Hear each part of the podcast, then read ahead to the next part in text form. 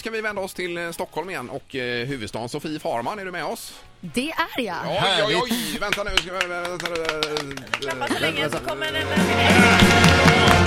så, Sådär. Juhu. hur är det med Sofie idag? Fint, hur mår ni? Eh, Här är, ja, det, det är bra, men det är fruktansvärt väder i Göteborg. Det är lika illa här faktiskt. Ja, ja, usch. Men du, du bor ju till vardags i New York. Stämmer fint. Nu är du bara hemma på en liten PR-turné då eller?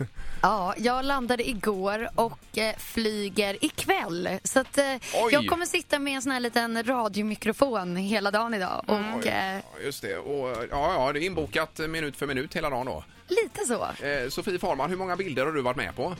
Åh gud vad hemskt. Bara tanken får mig att Men det måste vara alltså tio- himla med ögonen här eftersom vi inte ser varandra. Nej. Men eh, ja, usch vad Det hemskt. måste vara tiotusentals alltså som... Ja, eh, något sånt är det nog. Jag misstänker det. Ja. Eh, Men du har ju en egen modetidning också så det är inte så konstigt. Nej. Nej. någon gång måste man ju ställa upp. Eller? Ja, ja. Ja, ja, visst.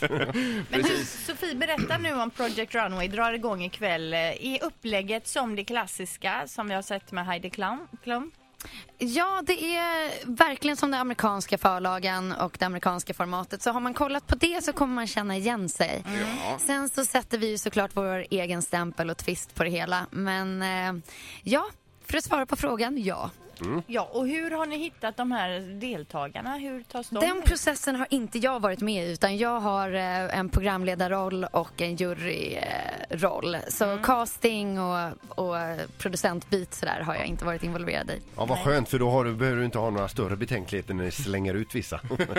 Jo, det får man ändå. Ja. Det är så jäkla jobbigt varenda gång man måste stä- ställa sig upp och säga att någon faktiskt åker ut och lämnar. Det är tufft. Väldigt, väldigt tufft. Ja, det eh, förstår man ju. För, för, när man ser den amerikanska förlagen alltså det, så är det ju eh, så att eh, de kan ju få en del uppgifter och då ska de göra kläder åt någon person. Jag såg när de gjorde åt eh, Nicky Hilton. Mm. Eh, och sen eh, några får ju reda på hur ja, fula kläderna är rätt utav va? Eh, och Ja, det är det gäller ju ju ganska att vi tufft. är ärliga. Ja. Ja, På något sätt är det ju så att vi vill ju att de ska lära sig något under själva programmets gång och, eh, och sen också inte bara säga så här, ja men det där var fult, utan berätta varför. Att, Mm. att ge dem eh, konstruktiv kritik.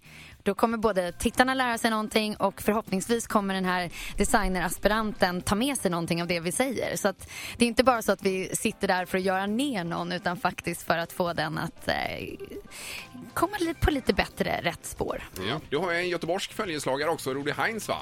Precis, Som är med. min Och han, favorit. Ja, han är ju eh, gammal designer. Är han 70 någonting va? Eller vad kan det Ja, vara? han är 69. 69. För jag ser honom på affären här i Göteborg ibland. Ja. Men hur stilig är han? Ja, han är sjukt stilig. Men han får, man får en förnimmelse utav Karl Lagerfeld när man ser honom. Ja, verkligen. Ja, en bättre version skulle jag vilja Ja, säga. nej, man blir ju knäckt alltså när man eh, ser hur fräsch han är. Och är... Ja, men lite så har det varit. Så han kommer in i sminket på morgonen och är som sagt 69. Ja. Och så, nej, det är ett sing halleluja till honom helt enkelt.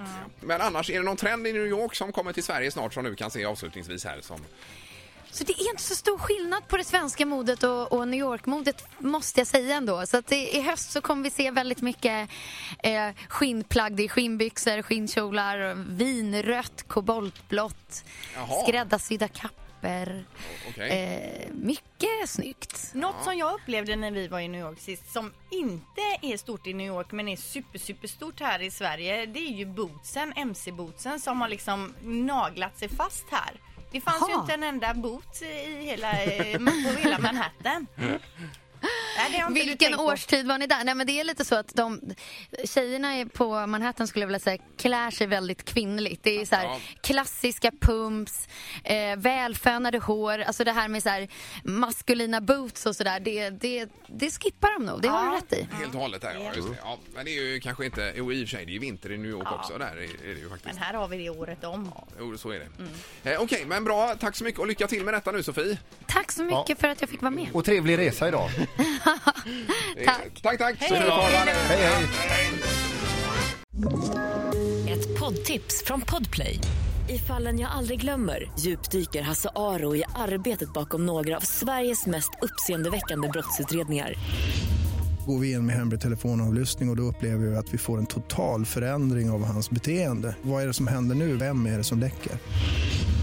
Och så säger han att jag är kriminell, jag har varit kriminell i hela mitt liv men att mörda ett barn, där går min gräns.